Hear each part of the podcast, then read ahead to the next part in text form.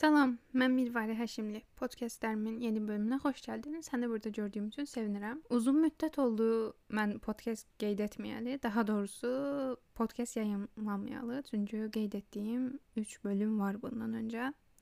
Hal-hazırda dinlədiyim və hal-hazırda qeydə aldığım bölüm 11-ci bölümdür. 10-cu bölüm paylaşdığım bölümlər arasında yoxdur, çünki 10-cu bölümü 6 may tarixində yayımlayacaqdım, amma təəssüf ki, ondan bir öncəki gün həyatımda yaşadığım ən bərbad günlərindən biri olaraq qeydə alındı. Bölümə başlamazdan öncə və beynimdəkiləri danışmazdan öncə demək istəyirəm ki, ətrafda bir şeylərin səsini eşidə bilərsən, ə, yeriyən, miyoldayan və ya bir şeyləri ə, vuran ya da ə, ayaq səslərini eşidə bilərsən. Bu aramıza yeni qatılan Misusun səsidir mənim və ailəmizin yeni bir şeydir. Əsasən də mənim.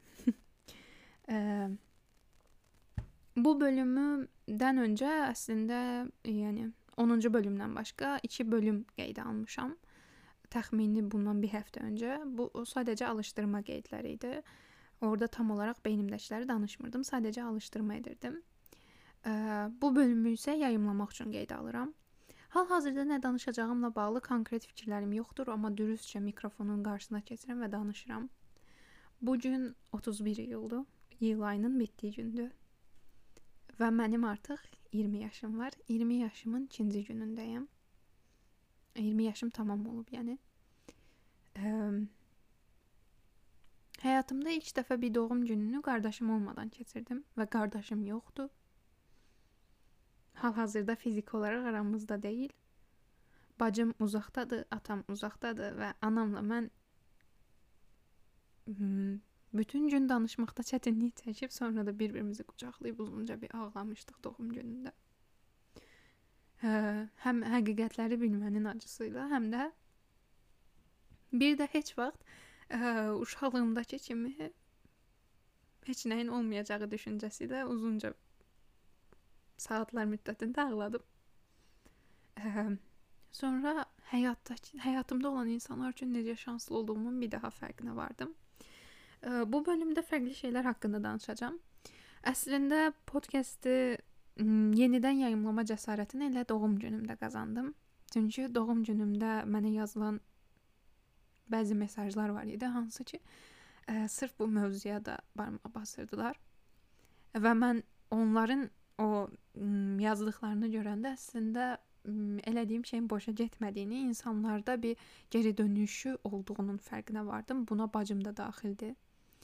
Ə, əslində ən son nöqtəni deyəsən elə bacım qoydu. Ə, həmin gün axşam ağlaya-ağlaya onunla danışarkən ə, səninlə çox qürur duyuram. Ə, işə gedib gələrkən sənin podkastlərini dinləyib paylaşdığın videoları izləyirəm. Ə, bəlkə də heç birimizin eləyə bilmədiyi şeyi eləyirsən dedi. Ə, əslində heç birimizin deyil, mənim də uşaqkən eləyə bilmədiyim şeyi eləyirəm.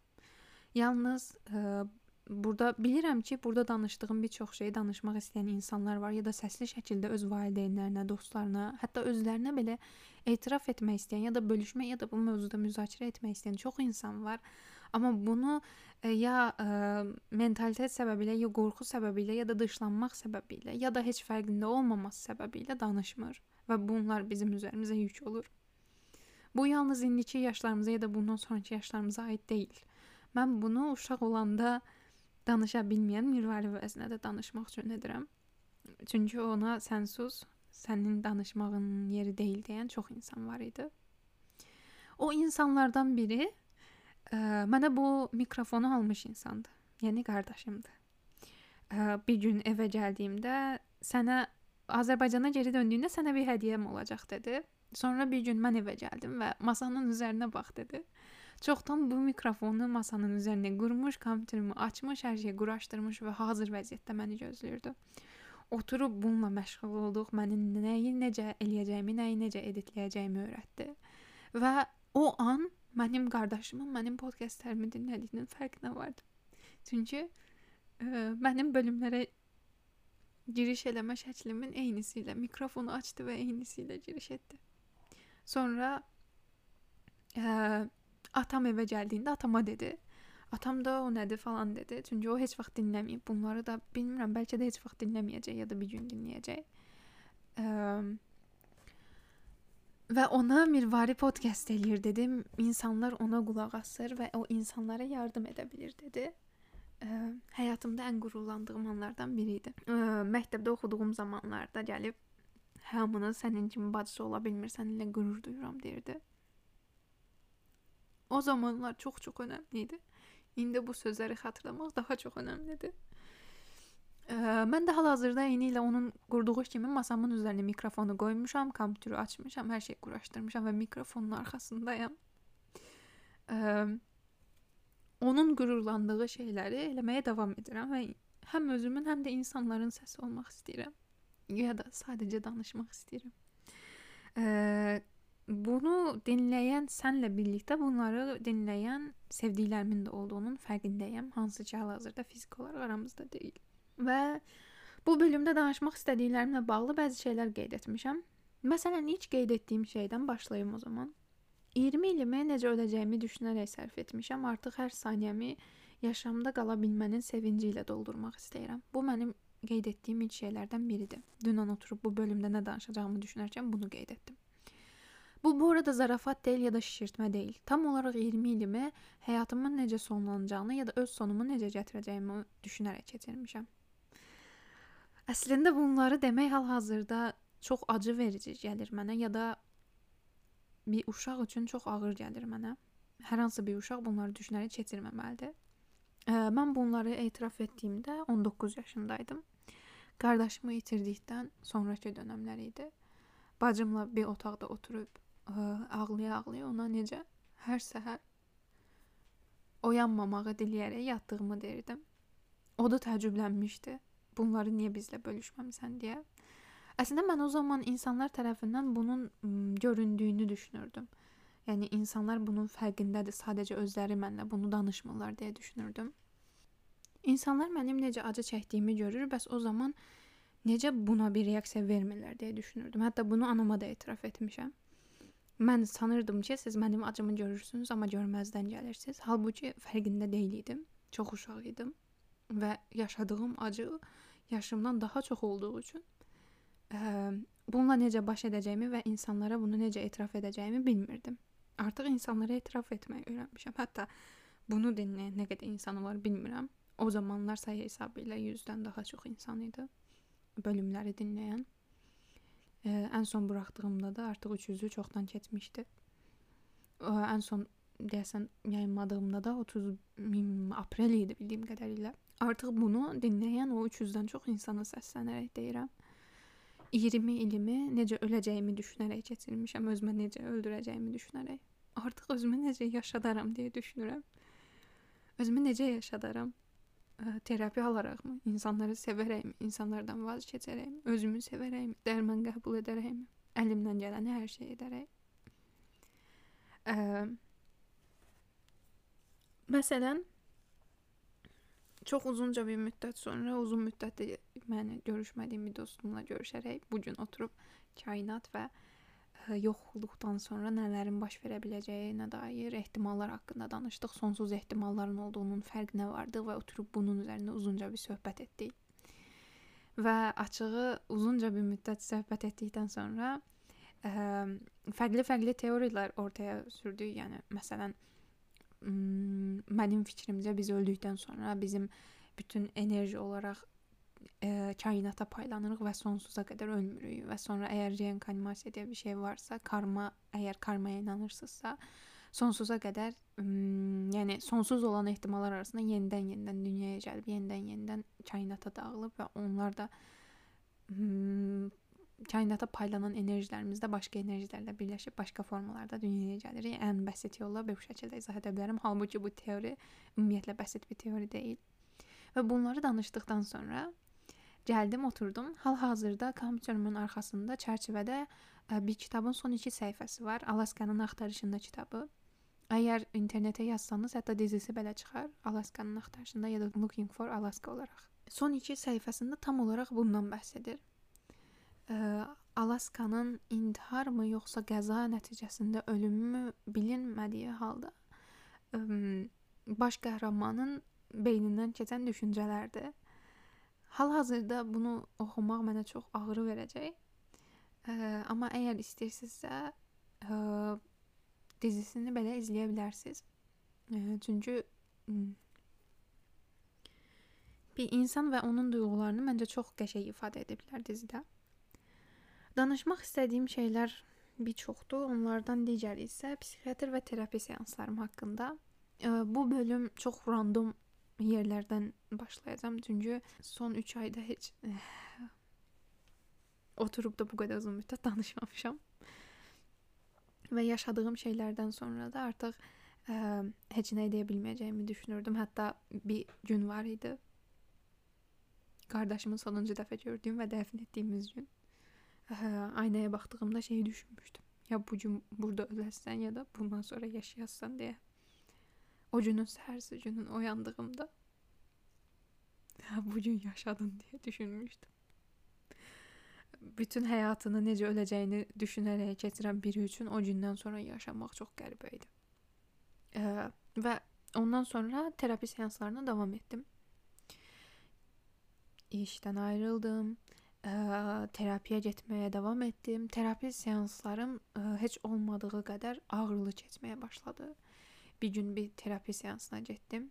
Ə, keçən həftə ə, və oturub orada beynimdə olan bütün qaranlıq düşüncələrdən danışmağa başladım özümlə bağlı.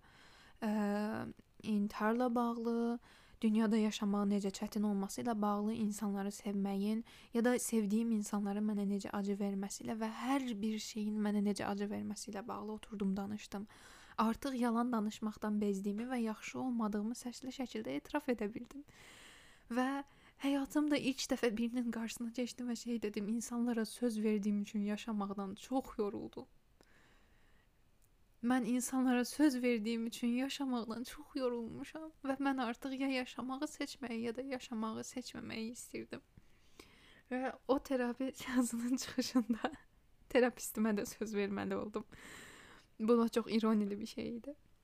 Ə, və psixiatr qəbullarımda artıq ə, düzgün yata bilmədiyim üçün, hətta dərman atmadığım günlərdə yat, ümumiyyətlə gecələr yatmadığım və sanki dünya üzərində yuxunun heç mövcud olmaması kimi oyaq qaldığım üçün e, və bunun artıq saat hesabı olaraq günlər almasından dolayı dərmanlarla və dozajının artırılması ilə irəliləyən bir müddət içindəyəm hal-hazırda.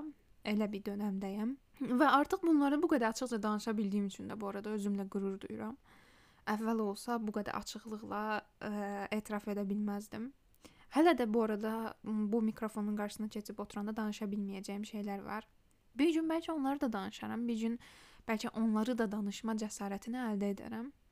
Əgər elə olarsa, özümlə çox-çox qürur duyacağam. İndi də çox qürur duyuram, amma ə, o zaman gəldiyində baxarıq. Hələ ki onları danışmanın zamanı deyil. Hal-hazırda həyatımda ən çox depressiya ataklarımın gücləndiyi dönəmdəyəm. Hər çölə çıxdığımdan sonra evə gəlirəm, saatlarla ağlayıram.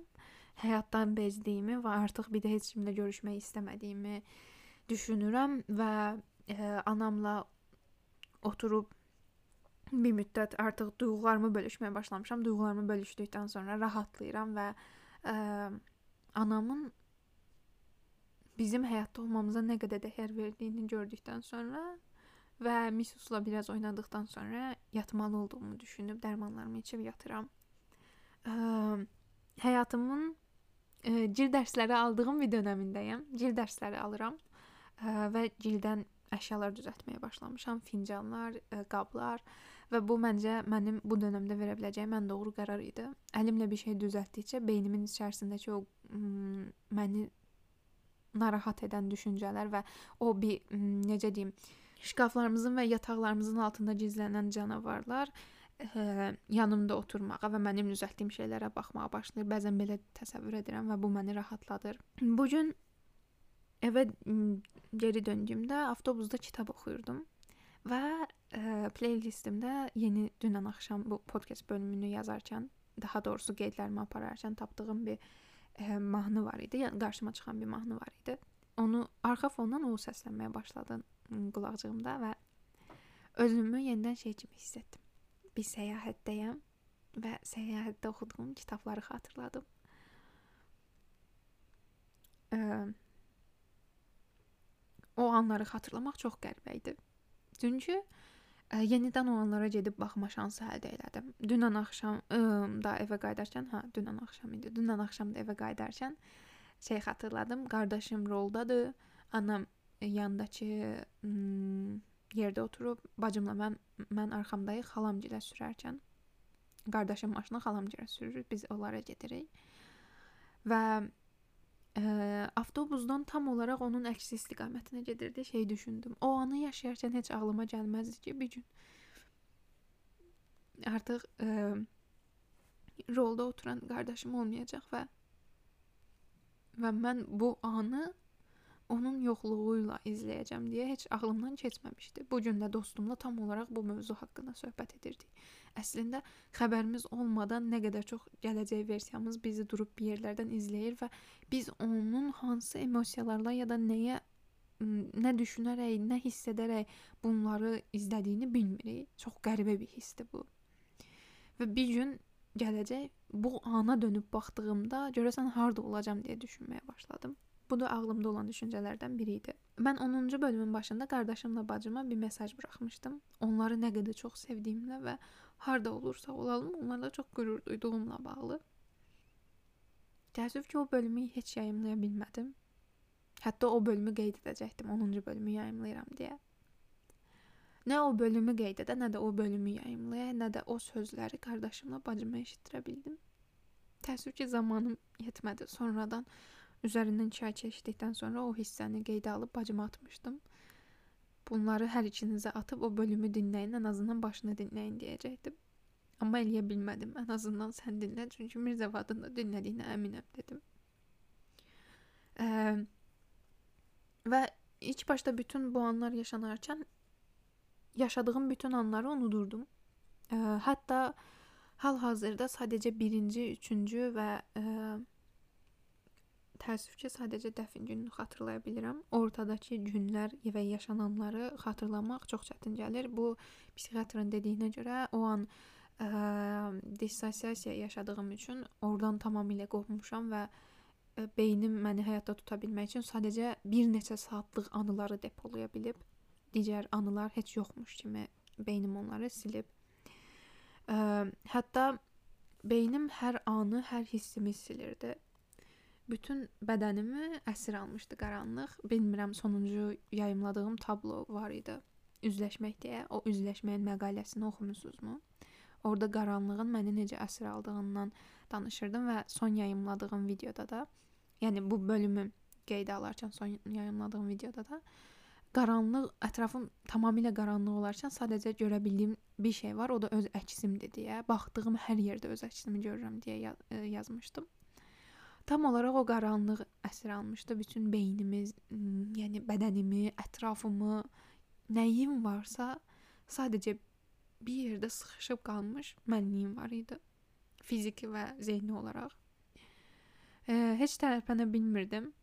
E, xəbər aldığım andan 3 ay boyunca hal-hazırda hələ tam 3 ay olmayıb, amma 3 aya çox az qalıb. Bədənimi əsir almış bir qaranlığın olduğunun fərqindəydim. Hətta bəzi günlər var idi. Mən evdə yalnız qaldığım üçün dostum gəlib mənlə qalırdı və ə, yerimdən fiz zehni olaraq oyaq olsam da, yəni gözlərim açıq olsa da, fiziki olaraq bədənimi tərpədə bilmirdim. Ə, və o anları xatırlamıram. Yatağa necə gedirdim, necə yuxuya gedirdim falan. İmtahanları necə verdiyimi belə xatırlamıram. Ə, hər şeyin kontrolünü itirirdim. Hələ də ara-sıra bədənimin və beynimin kontrolünü itirdiyim olur. Yenidən hər şeyin pisləşdiyinin, fiziki olaraq yenidən bütün gücümü itirdiyimin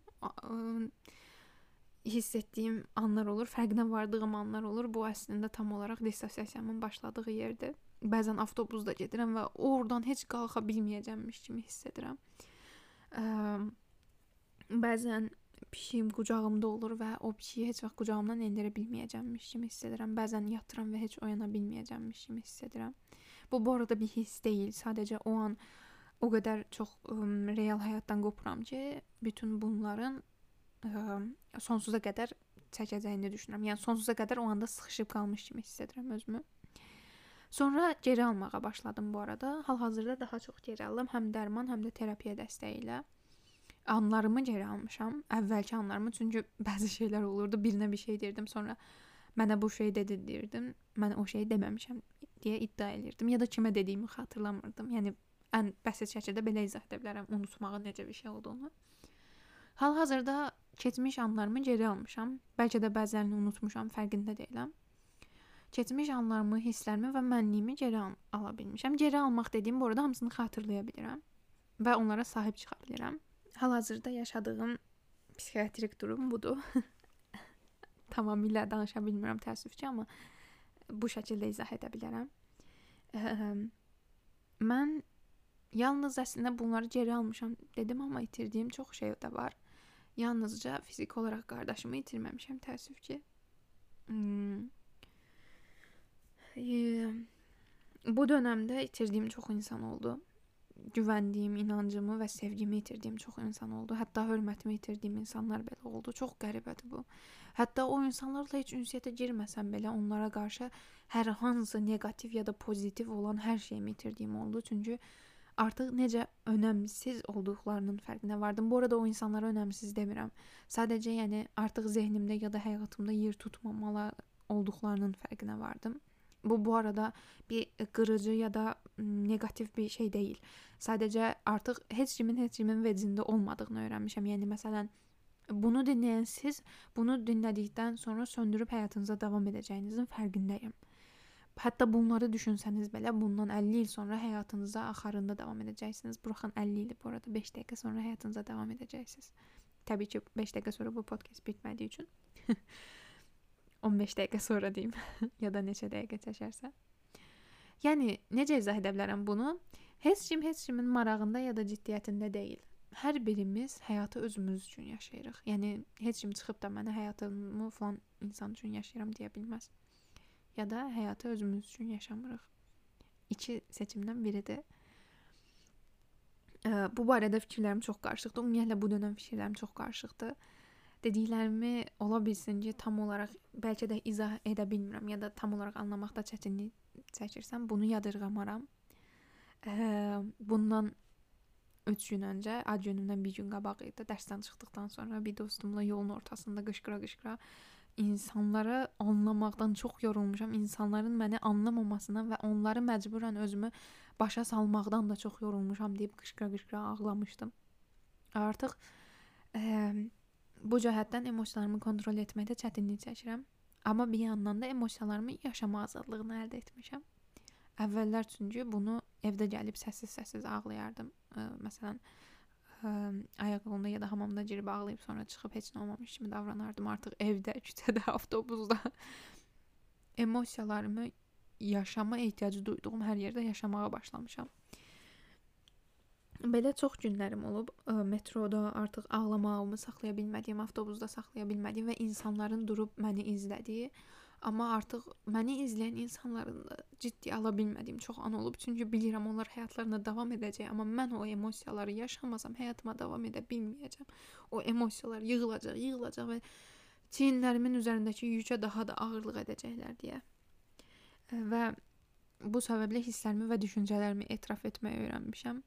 Artıq yalnızca özümə deyil, insanlara da etiraf etməyi, düzdür, başlıca özümə, amma insanlara da etiraf etməyi öyrənmişəm. Artıq hətta uzun müddət danışmadığım insanlara belə əgər özləyirəmsə telefonu açıb səni özlədim deyirəm və mesajımı atıram ya da səs atıram ya da zəng edirəm və ya onlara görüşməyə təklif edirəm və ya görüşürük. Çünki bəzən bəzi insanların bu cəsarətdə olmadığının fərqinə varmışam. Yəni bunu əslində çox insandan eşidirdim mən. Çox insandan dediyim, eşitdiyim insanlar var idi ki, bəzi insanlar öz duyğularını etiraf edə bilməyəcək cəsarətdədirlər. Mən də onlardan biriymişəm. Bunun sonradan fərqinə vardım. Və hal-hazırda bunu aşmağa çalışıram. Çünki həyat qısadır. Bu gün bu bölümü bitirib də mənə bir şey ola bilər. Bundan 5 dəqiqə sonra da, 1 saat sonra da, 1 gün sonra da, 1 həftə, 1 ay, 1 il, 1 ömür, bir ömür nəyə nəzərdə tutursunuzsa məsələn bundan 100 il sonra da mənə bir şey ola bilər. Abartdım biraz 100 il olmaz amma yenə də. Ə, mən məncə demək istədiyim şeyi izah edə bildim. Yəni mənə hər an hər şey ola bilər və ə, əgər bir his mənə aid deyilsə, ya da bir düşüncə mənə aid deyilsə, o insana onu verməliyəm. Hətta bu dövrdə öyrəndiyim bir şey daha var. Ə, bizə təmizlik, təmizlik deyirlər ya, bəzən ətrafı çirkləndirməkdən və ətrafı dağıtmaqdan qorxmamağı öyrənmişəm artıq bir şeyləri dağıtmaqdan qorxmamağı öyrənməyə başlamışam. Yəni davamlı olaraq bir şeyləri yarada və bir arada tuta bilmərəm. Bəzən bir şeyləri vurmalı, qırmalı və dağıtmalıyam. Ə, hətta bəzən qulpu qırılmış stəkanı atmağı öyrənməliyəm ya da onu qırıb atmağı öyrənməliyəm, çünki artıq o qulpu qırıq stəkanı və mənim işimə yaramayacaq. Ə, bəzən tək bir, yəni həmin insana çox cüzi bir səbəb olaraq gəlsə belə, o insanla əlaqəni qırmağı öyrənməliyəm. Özümə deyirəm bunları, amma əgər sənin də bunları eşitməyə ehtiyacın vardırsa, əgər bunları eşitməyini istəyirəm. Məni pis bir insan olaraq görə bilərsən, məni yaxşı bir insan olaraq görə bilərsən, məni görməyə bilərsən. Məni eşitməməyi, məni hiss etməməyi seçə bilərsən və bunların tam tərsini də seçə bilərsən. Amma yenə də deyirəm, bunları ən çox da özümə deyirəm. Var olmağı öyrənməlisən. Var olduğun şəklində özünü qəbul etməyi öyrənməlisən. Yəni bu dünyada varsan, çünki belə düşünürəm bizim yəni artıq varlığımız var və biz öldükdən sonra da enerjilərimiz kainata qarışacaq. Yəni biz heç vaxt yox olmayacaq. Var olan heç nə yox olub getməyəcək. Bu səbəblə varsansa varlığınla var olmağı öyrənməlisən. Varlığınla qürur duymağı, varlığını paylaşmağı öyrənməlisən. Və bəzən bəzi şeylərin varlığının fərqinə varıb onları etiraf etməyi də öyrənməlisən. Əsəbinin varlığının fərqinə varıb etiraf eləməlisən. Bəzən bəzi birinə əsəbisənsə, sənə əsəbiyəm və bu hissin var deməyi öyrənməlisən. Birini sevirsənsə, sənə qarşı sevgin var və bu hissin var. Mən bunları görməzdən gəldiyimdə ya da sən görməməyi seçdiyində bunlar yoxa çıxıb getməyəcək. Fərqli bir şəkildə dünyama yenidən ə, daxil olmağı öyrənəcək, daxil olmanın bir yolunu tapacaq. Çünki əslində emosiyalar və düşüncələr sandığımızdan daha güclüdür. Biz onlardan istədiyimiz qədər qaçaq qapıdan qovaq, bacadan içəri girəcəklər və biz onlara qarşı qoya bilməyəcəyik. Ona görə onları sahiblənməyi öyrənməliyik. Onları sahiblənək və sahibi kimdirsə onlara təhvil verək. Ə, və bunlar da düşüncələrimdən bəziləri idi. Ə, hmm, və yaratma istəyim artıq daha çox güclənib. Əslində yaratma istəyim daha çox güclənməyib bu arada. Ə, yaratdığım şeyləri paylaşma istəyim güclənib və bunlarla qürur duyma ə, funksiyam aktivləşib deyim. Qardaşımı çox yaxından tanıyan və sevdiyinə əmin olduğum və qardaşımın da onu çox sevdiyini bildiyim biri var. Ə, keçən səfər aramızda bir mövzu keçdi, hansı ki bu insan mənə şey demişdi. İlk bizim bir-birimizi tanıdığımız vaxtlarda ə, qardaşın səni ə, istiri ə, yəni qiymətli incisini daxilində saxlayan istiridya kimi səni qoruyacaq. Ə, yəni istiridya bilirsiniz yəqin ki, mollyuskdur. Ə, mirvarini daxilində saxlayan qabıq, tam olaraq onun Azərbaycanca adını unutdum. Və beynimdə hələ də bu ə, fikir dönüb durur. Yəni bu cümlə dönüb durur beynimdə. O hətta Cem Adrianın mahnısında da dediyi kimi, ə, ə, saklarım səni ə, bir isti istiridyenin qiymətli incisini sakladığı gibi. Ə, və tam olaraq onun dediyi sözlər üst-üstə düşürdü və qardaşımın həqiqətən məni balaca bacısı olaraq ə, və qiymətli mirvarisi olaraq hər zaman saxladığının fərqinə vardım. Elədiyi şeylərdə, dediyi sözlərdə və özündən geriyə saxladığı şeylərdə. Hə, Və açığı ə, həmin insanla aramızda keçən bir ə, söhbət var idi. Burada tam olaraq şey demişdi. Sən özünü özün olmaqdan qorxursan, özün olmaqdan utanırsan ki, ya bəzilərinə çox gələrəm deyə. Bu mənim tam olaraq bir müddət öncə yazdığım şeylərdən biri idi. Ə, qeydlərdən biri idi. Tez-tez beynimi açıram və onları bir şeyə dönüşdürürəm. Yəni bir yazıya dönüşdürürəm. Ə, ə, və şey deyirəm bir qeyd olaraq yazmışdım ki, bəzən insanlara çox gəlirəm. Ə, və mən onlara çox gəlməkdən qorxuram. Çox emosional olmaqdan, çox düşünməkdən, çox sevməkdən, çox əsəbi olmaqdan qorxuram. Çox olmaqdan qorxuram demişdim. Halbuki əslində çox deyilmişəm. Mən tam olaraq buymuşam. Sadəcə bəzi insanlar ə, məndə olanın daha azı ilə qənaətlənməyi istəyirlər və bəzən mən özümə daha azım varmış kimi göstərdiyim üçün mənimlə birlikdə olurlarmış. Bunu öyrəndim. Yəni fərqinə vardım. Özümə bunu etiraf edə bildim və bəzən məndə olan daha çoxunu gördükcə məndən qorxub uzaqlaşdıqları olur. Ya da mənim onlardan uzaqlaşdığım olur. Bu bu arada yanlış bir şey deyil. Hər kəsin istədiyi bəzi şeylər vardır. Hər kəsin ehtiyacı olduğu bəzi şeylər vardır. Onları axtarır, tapırıq. Və e, həmən insanla danışdıqdan sonra təbii ki, hal-hazırda kimliyini deyə bilmərəm, amma mənim üçün çox əhəmiylidir və bunu dinlədiyinin fərqindəyəm. Səni çox sevirəm. E, və nə idi deyim unutdum. Və özün olmaqdan çox olmaqdan utanırsan, qorxursan dedi. Aramızda belə bir söhbət keçdi və açığı bu söhbəti etdikdən sonra da terapidə danışdıqlarımızı xatırladım və biraz özüm olmağı öyrənməliyəm deyə düşündüm. Və bu podkastlar mənim özüm olmağıma çox yardım edir. Çünki e, bu dövrdə də açıb-açıb dinlədiyim bölümlərim oldu. Məsələn, evim bölümü kimi. Ən çox onu dinlədim bu arada ki, evimlə necə barışdığımı xatırlayım deyə. Çünki onu bir dəfə edə bilmişəm mən. Yenidən edə bilərəm. Yenidən hətta daha güclü bağlarla əsasını edə bilərəm. Çünki əvvəl şey kimi düşünürdüm. E, məsələn, ola bilər bir şeyin üstündən keçim və artıq o bitmiş olsun. Məsələn, bir emosiyam var. Tamam onu yaşamayım. Bir müddət sonra zaten onun ə, necə deyim, qıcıqlandırıcılığı azaldığı üçün onu unudacağam ya da üzərindən keçib gedə biləcəm. Sonra şey xatırladım. Xeyr. Mən onu həyatımdan o şəkildə çıxardacağam, o başqa bir formaya gəlib həyatıma daxil olacaq və məni əsir almağı bacaracaq. Çünki onu bir dəfə çıxardığımda daha güclü formada mənə qayıdacaq. Mən də onun hal-hazırda olan formasını qəbul etməyi seçdim. Onun hal-hazırda olan formasını qəbul edib, onu yaşayıb, onu azad buraxmağı öyrəndim ki, mənə geri dönməyi istəməsin. Çünki o o an mənə aid olduğunun fərqindədir. Mən sadəcə o an onun mənə aid olduğunu qəbul etmirəm. Yəni bu sistemi bu şəkildə beynimdə oturtmuşam. Və açığı terapi müddəti mənə visiz necə gəlir və sadəcə terapi müddəti deyil bu arada dostlarım. Mən dostlarım deyəndə onlar kim olduqlarını bilirlər və məni sevən insanlar və mənim də sevdiyim insanlar. Çünki bəziləri dost kateqoriyasına aid deyil, bəzilərini fərqli kateqoriyalara qoyuram. Amma aramda bağ olan insanlar ən məncə ən doğru cümlə budur. Aramda bağ olan insanlar və terapi müddətimdə şeyin fərqinə vardım. Ə, ən çox da terapistim. Sanki əlində bir fanar var, mənim bir qaranlıq otağım var, içəriyə hər şeyi atmışam. Hər şeyi atıb qapını bağlamışam. Özüm də içəridə qalmışam bu arada, çünki o qədər çox şey var ki, içəridə. Açarı da hara qoyduğumu unutmuşam və açığı həddindən çox şey olduğu üçün və içəri çox qaranlıq olduğu üçün işığı yandırma düyməsini də tapa bilmirəm. Ya bir əşyanın arxasında qalıb, ya da düyməni qaranlıqdan dolayı görə bilmirəm. Divarlara dəyə-dəyə, o əşyalara dəyə-dəyə o əşyalar üzərimə aşır. Mən o əşyalara dəyirəm, bəzilərini tutub parçalayıram. Bəzilərinin altında əzilirəm, sonra çıxmağa çalışıram.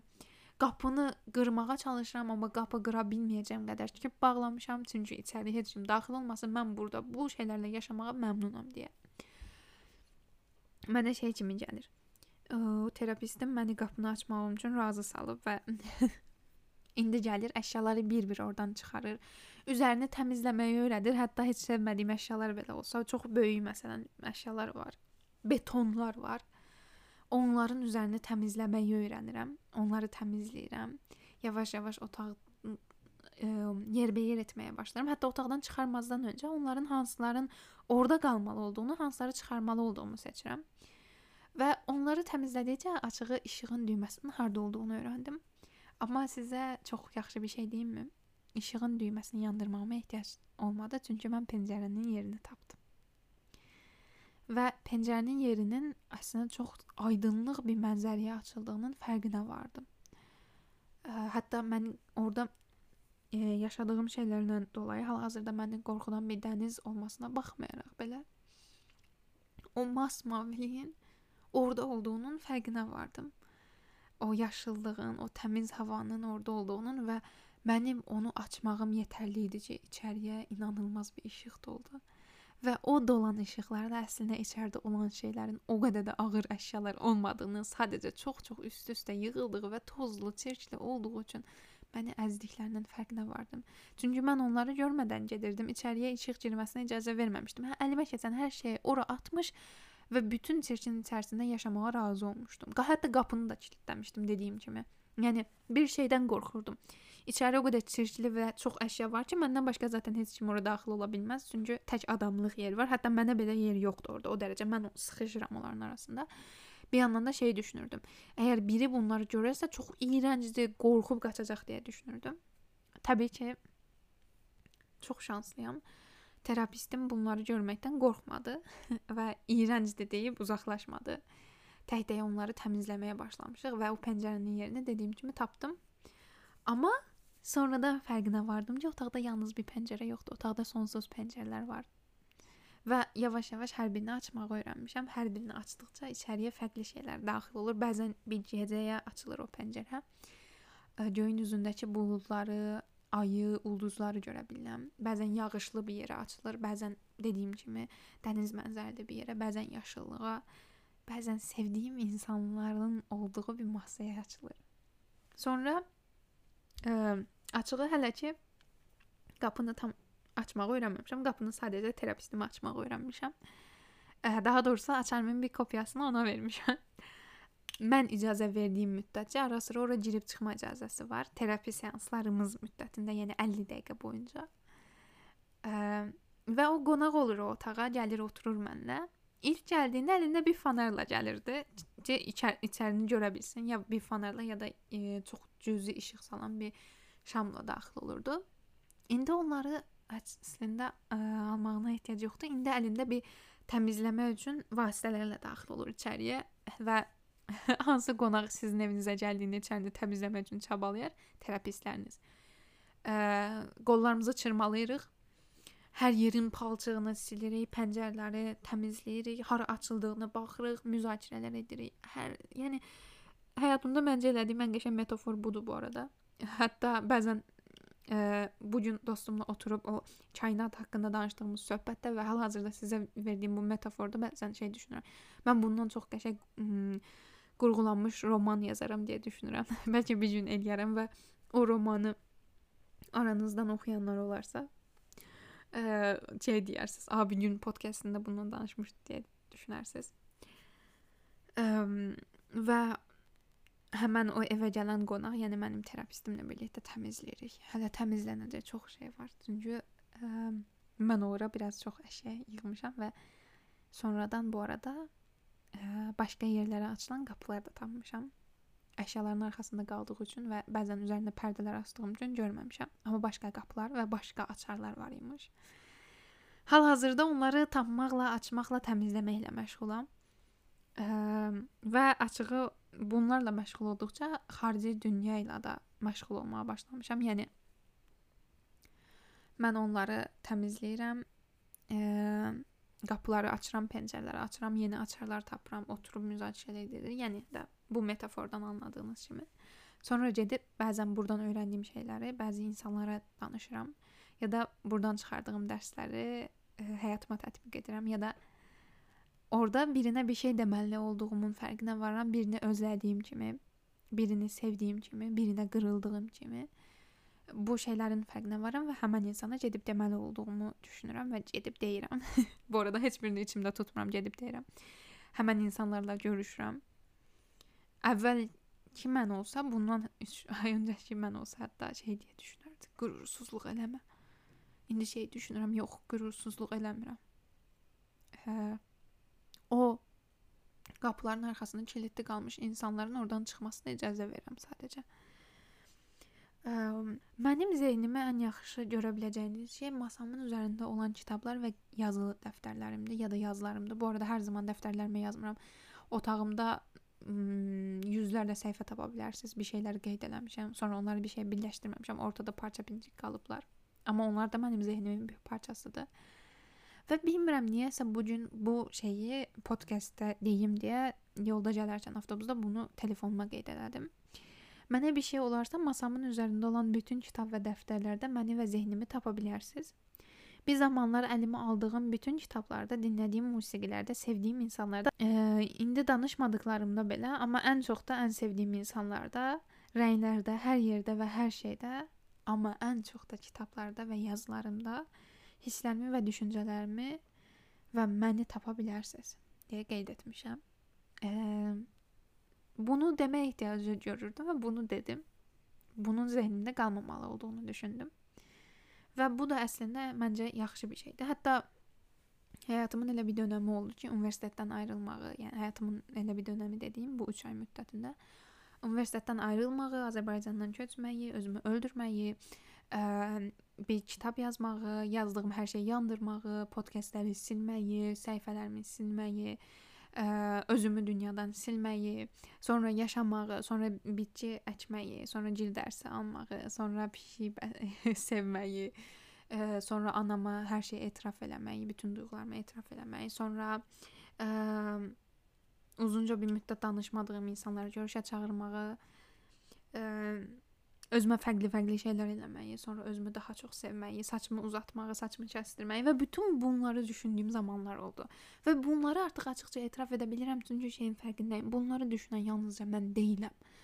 Bunu sən dinləyirsən və bu dediklərimin arasında bəlkə də mənim hal-hazırda zehnimdən keçən amma səsli şəkildə deməyimin uyğun olmadığı, çünki bəzi insanları triggerlaya biləcəyimin, yəni bəzi insanları qıcıqlandıra biləcəyimin fərqində olduğum üçün, bu arada qıcıqlandırmaq, onlardan aqressiya almaq mənasında deyil, onlara pis təsir edəcək mənasında. Bildiyim üçün demədiyim çox şey var.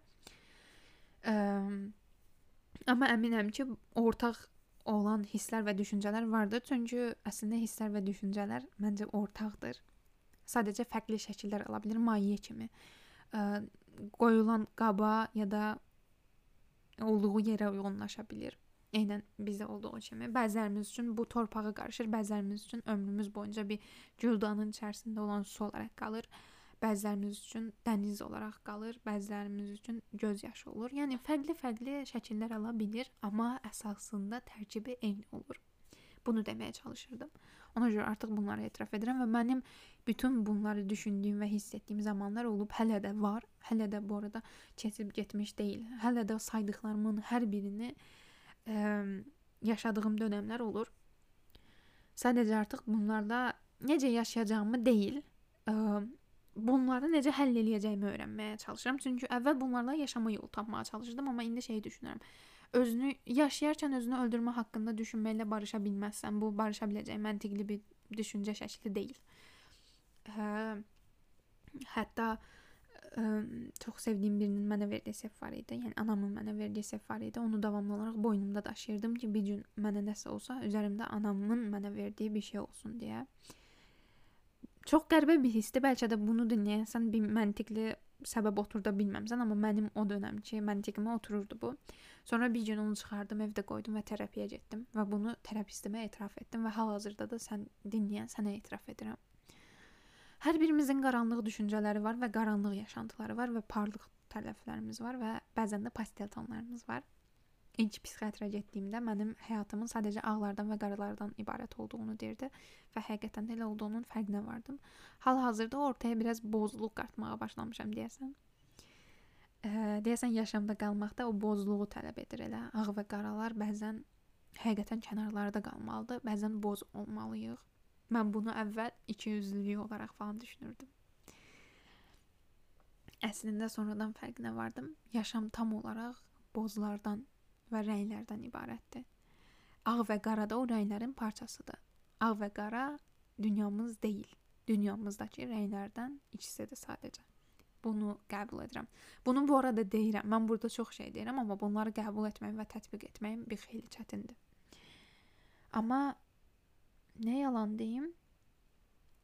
Ə, o dönəm ə, dostlarım rayona gəlmişdi biz o yaz müddətində olarkən və onlara şey demişdim. Həyatımda ilk dəfə şeyi öyrəndim mən qardaşımla. Yəni bu müddətdən. Həyatda qalarkən çox şey dəyişdirmək olar və həyatda qalmaq o qədər də bərbad deyil. Ə, ümid edirəm bütün yaxınlarımız huzuru tapar həyatda ikən və artıq fiziki olaraq bu dünya üzərində deyilkən. Hamımız huzuru tapa bilərik. Ə, mən çox qorxduğum olur. Uzunca bir müddət hətta 2 ay, e, hətta indinin özündə belə bəzən qaranlıqda yatmaqdan qorxuram. Davamlı olaraq işığı yanında qoyub yatırdım. Sonra atamın uzunca bir müddət sağlığa necə ziyanlı olduğu nəsihətini alandan sonra artıq o əsəbləşməsin deyə işığı söndürüb yatdığım da olurdu. Ə, yalnızca qorxduğum şey qaranlıq deyil idi bu arada. Hər şeydən qorxurdum uşaqlığımda olduğu kimi. Ən çox da artıq qardaşımla söhbət edə bilməyəcəyimin, hətta o zamanlar bu insana qıcıq verici gəlirdi, amma danışa bilməyəcəyimin fərqinə varanda daha çox qorxurdum. Hal-hazırda özümü bu arada onun eşitdiyini bildiyim üçün daha rahat hiss edirəm. Bütün bunları eşidir və məni anladığını bilirəm, məni gördüyünü bilirəm. Bütün sevdiklərimizin də o şəkildə. Və ə, nə yalan deyim, artıq gecikməmək istəyirəm. Həyatı yaşamaq üçün gecikməmək istəyirəm. Bunları demək üçün gecikməmək istəyirəm. Şansım var, hal-hazırda bunları qeydə alıram və yayımlayacağam. Sabah düşüncəmin nə olacağını bilmirəm. Garanti də verə bilmirəm. Mənlə bağlı heç nəyə garanti verə bilmirəm. Ə, yaşamağı istəyib istəməyəcəyimə də garanti verə bilmirəm. Ə, bir roman yazıb yaza bilməyəcəyimə də garanti verə bilmirəm. Yaxşı biri olub olmayacağıma da garanti verə bilmirəm. Sevib sevə bilməyəcəyimə də garanti verirəm. Mən heç nəyə garanti verə bilmirəm. Bunu açıqca da etiraf edə bilirəm və açığı həyatımda ilk dəfədir ki, bundan qürur duyuram. Yəni qürur duymaq dediyim də bilirsiz nədir? Yəni qəbullana bilirəm. Hal-hazırda buyam deyə qəbullana bilirəm. Mən hal-hazırda buyam. Bundan daha çoxunu verməyə çalışmıram. Məndə hal-hazırda bu var. Özümə hal-hazırda bu qədərini ver. Yəni yaşaya bildiyim qədərini yaşayıram. Ən sadə şəkildə belə izah edə bilərəm. Mən hal-hazırda yaşaya bildiyim qədərini yaşayıram. Yaşaya bildiyim bir əsəb ola bilər, onu yaşaya bilərəm. Bir sevinc ola bilər, onu yaşaya bilərəm. Bir eşq ola bilər, onu yaşaya bilərəm. Bir xoşbəxtlik, bir hüzün, bir sakit, bir huzur ola bilər, onu yaşaya bilərəm. Yaşaya bildiyim nədirsə onu yaşaya bilirəm. Və ə, bunu demək bəlkə də mənə düşməz, amma hal-hazırda əgər demək istədiyim bir şey varsa birinə və o insan həyatdadırsa, aç de bunu. Məcbur deyilsən ona uzun-uzun bir şeylər deyəsən, tək bir söz də olsa, o anlamasa belə olar, amma sən onu ona deyənə də. Bu Hər hansı bir insan ola bilər, hər hansı bir yerdə ola bilər. Çox pis ayrılmış ola bilərsiniz, bir-birinizə nifrət elədiyinizi demiş ola bilərsiniz, amma deməli olduğun bir şey varsa, bunu ona de əgər şansın varsa. Çünki bu məncə həyatımızdakı ən böyük şansdır. Hələ də ə, bir şeylər demək istədiyimiz insanların olması. Çünki şiddətli depression atakları yaşayanda bəzən düşünürəm ki, heç kim heç nə deməyin mənası yoxdur. Sonra ə, toparlandığımda fərqinə varıram. Birilərinə bir şey deyə bilmə şansımın olması çox böyük bir lüksdür. Bu həqiqətən ciddi bir lüksdür. Bilmirəm sənin üçün nə qədər önəmlidir, amma ə, 20 yaşımı tamamladığım gecə yerimdə oturub, yerimdə uzanıb dərmanımı atıb şey düşünürdüm. Daha doğrusu xəyal edirdim. Qardaşım öz otağında uzanıb, bacım bizim yataqlarımız iki mərtəbəli olduğu üçün bacımla Bacım yuxarı mərtəbədə uzanıb, anamla atam öz yerlərindədir. Ailəmizin hər bir fərdi sağlam və həyatda öz yerlərində yatıb.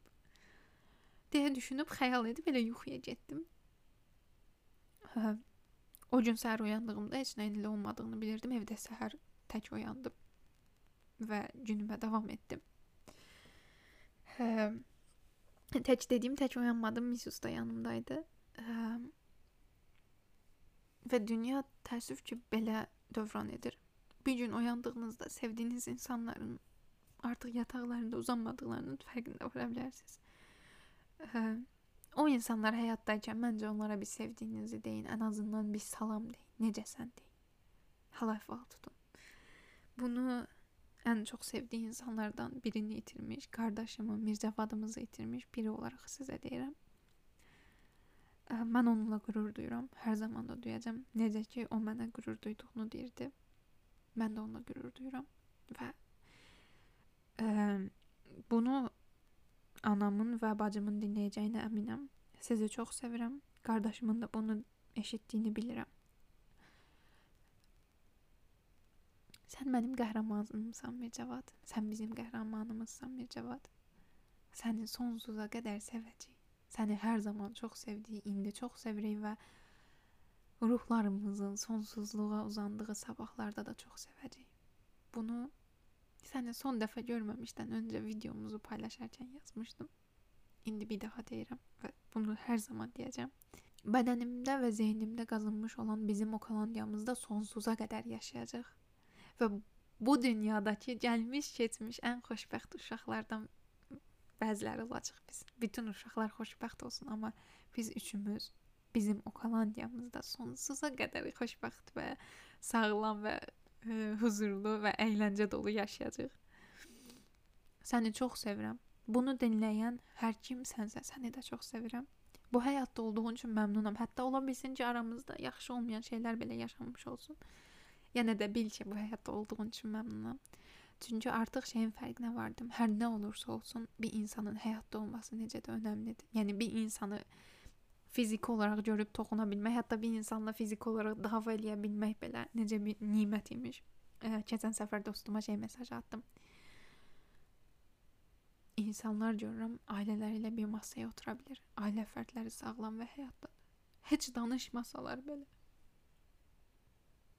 Hal-hazırda hər şeyimi qurban verməyə hazır olardım.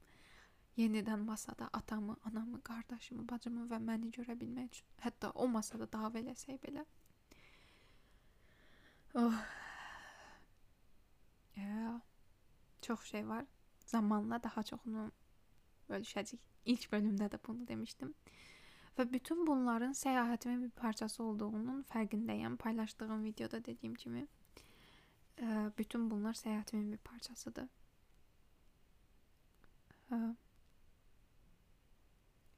mən bütün bu müddət ərzində birinci bölümdə şey demişdim. Okalandiyanı tərk edəndən sonra keçən zaman bu 3 ay ərzində olduğum tək yer Okalandiya idi bu arada. Ə, bədənimdə və zehnimdə qazınmış olan tək şey bizim Okalandiyamızdır. Və indi oradan ayrılıram, geri dönürəm və evimə geri dönürəm. Yəni oradan ayrılıb səyahət edib geri gəlirəm.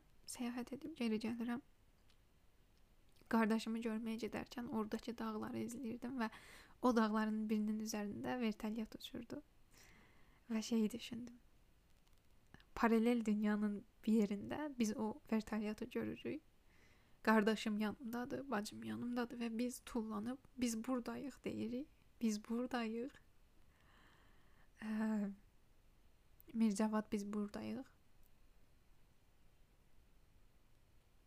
Bunu dinləyən sən üçün də deyirəm. Biz burdayıq. Həqiqi mənada biz burdayıq və sonsuza qədər burada olmağa davam edəcəyik. Ə, Həyat bizi haralara aparar bilmirəm.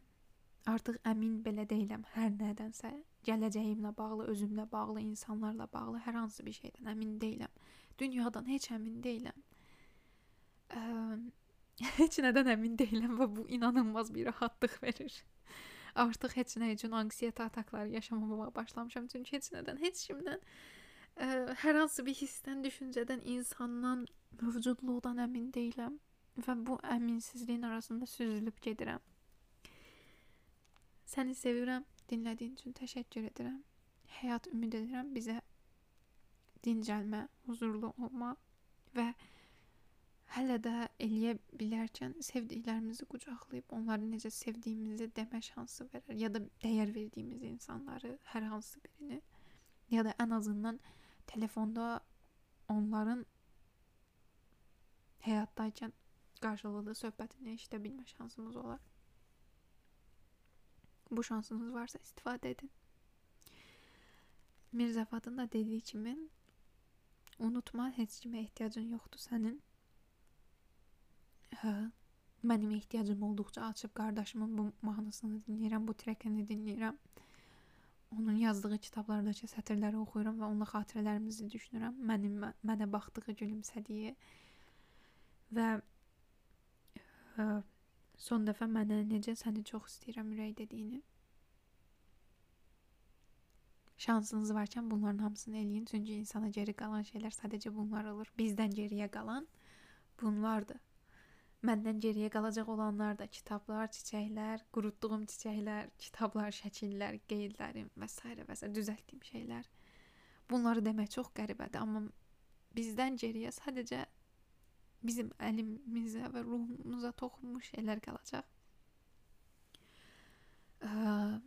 Bölümün sonuna gəldik. Dinlədiyin üçün təşəkkür edirəm. Səni çox sevirəm. Seyahatimizdə uğurlar. Dikkat et. Hazır ol. Sakın kıpırdama. Allah'ım, Allah'ım sen beni koru yarabbim. Sen beni bu deli kadından kurtar. Canıma bağışla Tanrım. Şimdi hazır ol. Səhər gün doğar bizə bəlkə yenidən. Səhər yenidən gələr sərçələr yenidən. Heç kimə ehtiyacım yoxdur mənim. Mən biri, mən biri bəs edər. Sən də bezmisənsə eyni. Qadınlardan Eyni dostlardan, eyni eyni yalanlardan Eyni sevgili, eyni yoldaşlardan Eyni sirdaş, eyni ətraf gəl yanıma Hər siyasi xəbərə necə də biz inanırıq. Hər gün yeni xəbərlər biz dayanırıq. Ekran qarşısında onlar böyük adamlar. Şahmatda biz adi piyada adlanırıq. Nə qədər əsəbləşsən də yeni içə quz Bir gün anlayasan sevgilərin kabus Olarsan içində bəlkə biri casus Sən öldürməyə gəlir vurmağa sən sus Kadere inanır mısın Neo? Hayır. Neden? Çünkü hayatımı yönlendiremediğimi düşünmeyi sevmiyorum.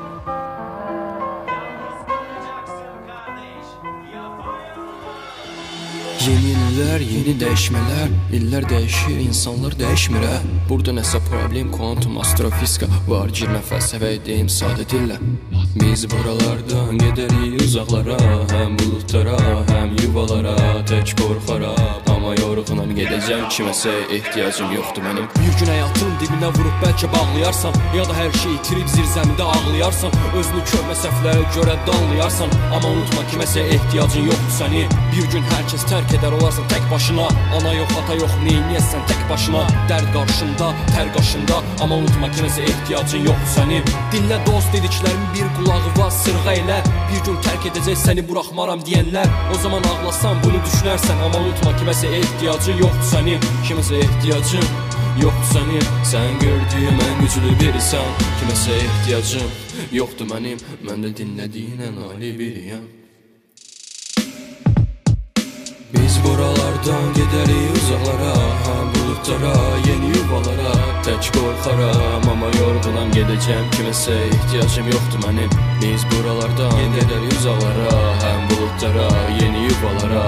Tək qorxaram, amma yorğunam gedəcəm Kiməsə ehtiyacım yoxdur mənim Biz buralardan gedərik uzaqlara Həm buludlara, yeni yuvalara Tək qorxaram, amma yorğunam gedəcəm Kiməsə ehtiyacım yoxdur mənim Biz buralardan gedərik uzaqlara Həm buludlara, yeni yuvalara Tək qorxaram, amma yorğunam gedəcəm Kiməsə ehtiyacım yoxdur mənim